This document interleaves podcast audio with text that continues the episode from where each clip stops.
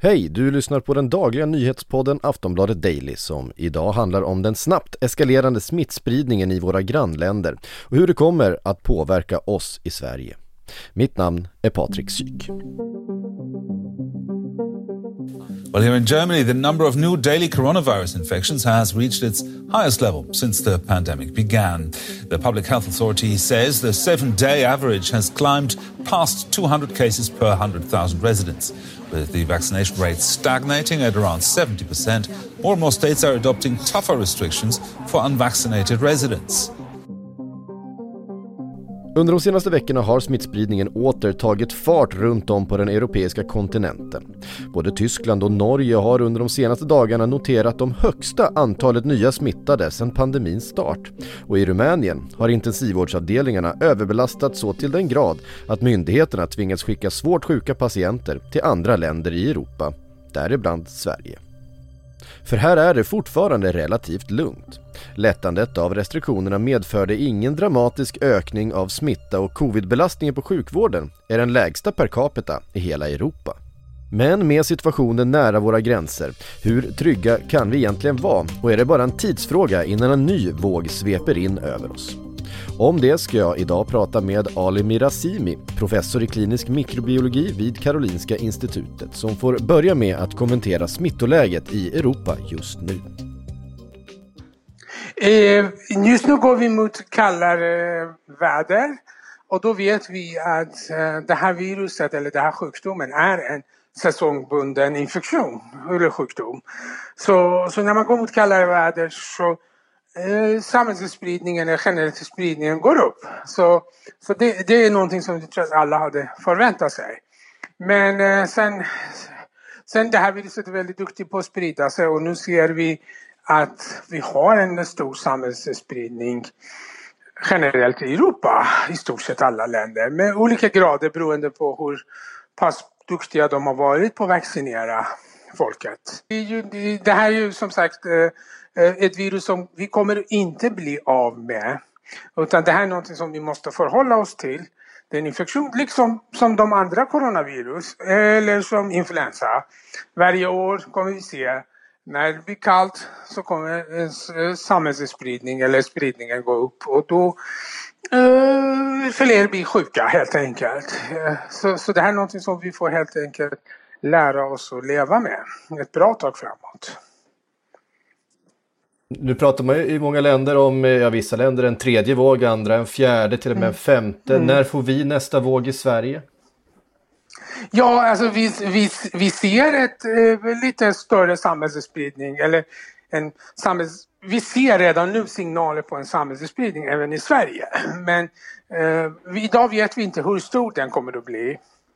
Och framförallt något som man ska komma ihåg är att eh, det är två det är två parametrar. Ena är att bara titta på samhällsspridningen. Då hittar man alla som blir infekterade. Det andra är att liksom titta på belastningen på sjukvården och då är det de som blir sjuka.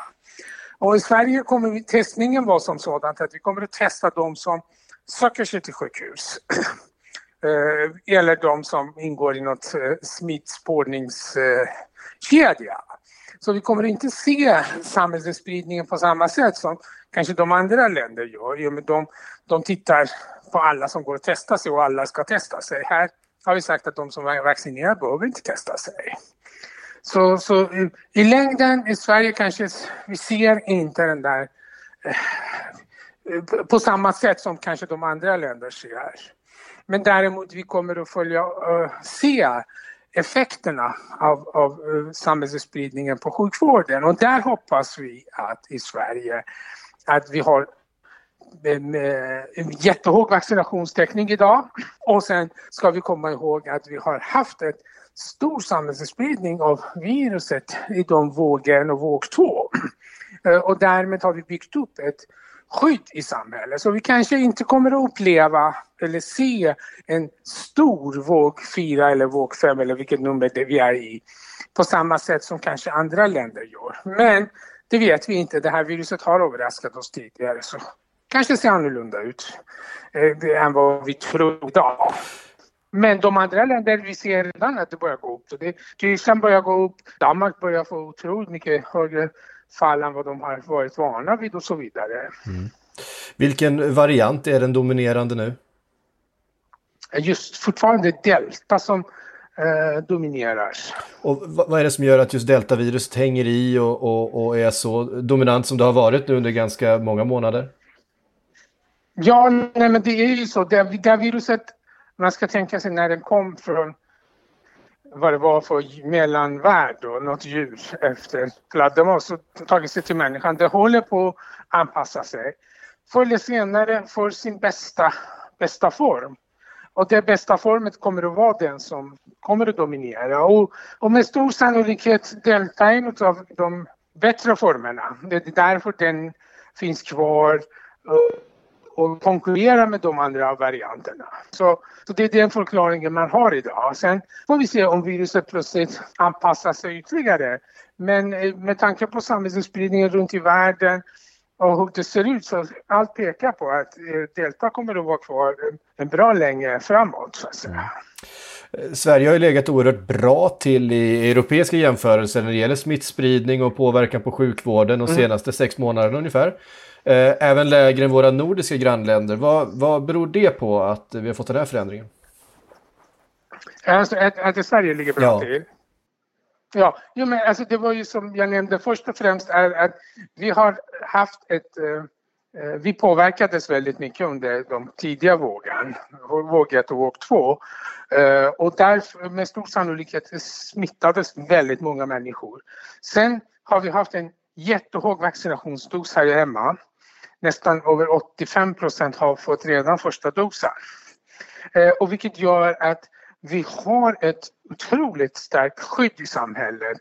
De flesta har vaccinerats och många av de här som är vaccinerade de har redan haft till och med kanske en infektion i bagaget vilket gör att de har otroligt bra skydd. Och det, de tillsammans gör att skyddet i samhället är ganska starkt. Men det är fortfarande en del som inte har vaccinerat och kanske inte varit infekterade eller sjuka av covid. De är fortfarande den svaga länken i kedjan och det är därför man försöker få dem, eller vill önska att de ska gå och vaccinera sig så vi täpper till. Både Norge och Danmark upplever just nu snabb ökning av coronasmitta i samhället. Nyligen kallade den danska regeringen till krismöte med sin epidemikommission för att hitta verktyg att bromsa utvecklingen och i Norge diskuteras återigen skärpta restriktioner. Så hur kommer det här påverka oss i Sverige? Ja, i förrgår meddelade Anders Tegnell att situationen i grannländerna ska ses som en varningsklocka och han utesluter inte nya åtgärder även här i Sverige. Vi hör Ali Mirazimi igen. Ja, alltså det, Eh, vi har ju, alltså vi har de verktyg, verktygen kvar i verktygslådan eh, och vi vet att de funkar när man börjar använda dem så vi har erfarenhet av de eh, verktygen. Men frågan är om de kommer verkligen behövas. Just nu ser väldigt bra ut. Att samhällsspridningen går kanske lite uppåt men belastningen på sjukvården är inte så där jättestort än. Men går den upp så måste vi ta till några verktyg ur lådan och använda dem. Och, eh, än så länge ser det bra ut och jag tror hänger lite grann med oss själva för att det finns fortfarande vissa rekommendationer kvar. Bland annat du som inte är vaccinerad, du ska följa alla rekommendationer, stanna hemma och gå och testa det och allt sånt där. Och du som är vaccinerad blir sjuk ska du stanna hemma. Så det finns fortfarande vissa restriktioner eller rekommendationer kvar och de gäller att följa dem och sen de som inte vaccinerar sig går och vaccinerar sig. Tror jag att gör vi de här grejerna eh, så, så, tror jag inte att vi behöver ta in några verktyg. Eh, det har ju börjat dela ut eh, tredje vaccinationsdoser till vissa grupper. Tycker du man borde expandera den vaccinationen till fler, kanske till eh, sjukvårdspersonal har det varit diskussioner om? Ja exakt, man har börjat eh, använda redan nu Eh, alla över 80 börjar vaccinera sig och, eh, och även de över 65 har rekommenderats att vaccinera sig. Och vi vet att de här grupperna är de grupperna som är väldigt känsliga och det är de som påverkas framförallt av covid-19. Eh, och vi har kört den här strategin sedan tidigare där vi tar de sköraste först och sen efterhand går vi vidare till nästa grupp. Sen är ju, frågan är att om de som jobbar närmast dem ska vaccineras eller inte. Här har man rekommenderat även, tror jag, de som jobbar i hemtjänst och nära dem som är väldigt sköra ska också vaccinera sig. Så jag tror att vi har strategin ganska klart. Sen några grupper kanske några veckor innan de andra. Det kanske i, i längden spelar ingen roll. Viktigaste är att alla ska gå och vaccinera sig med dos 3 har man sagt, fast på ett prioriterings, på ett prioriteringsordning så att säga. Och man kan ha åsikter att om, om de som jobbar på sjukhuset ska gå och vaccinera sig samtidigt som de andra och, och, och, och så vidare. Så kommer sådana signaler att plötsligt många på sjukvården börjar få covid och inte kan gå till jobbet. Då kanske man ska prioritera om det hela. Och det, det får vi avvakta och se. Mm. Eh, vi vet ju också att effekterna av vaccinationerna inte håller i sig hur länge som helst. Det är lite oklart eh, hur länge de faktiskt eh, ger skydd och, i vilken utsträckning. Ja. Finns det risk för att vi får fler allvarligt sjuka bland de vaccinerande under vintern på grund av det? Ja, absolut. Det, risken finns ju. Och det har vi sett nu in i, in i, in i hösten att kanske några av dödsfallen varit vaccinerade, eller de är svårsjuka har varit vaccinerade, men de har varit väldigt gamla och sköra. Och vi tror att de här vaccinerna ger väldigt bra skydd mot svår sjukdom.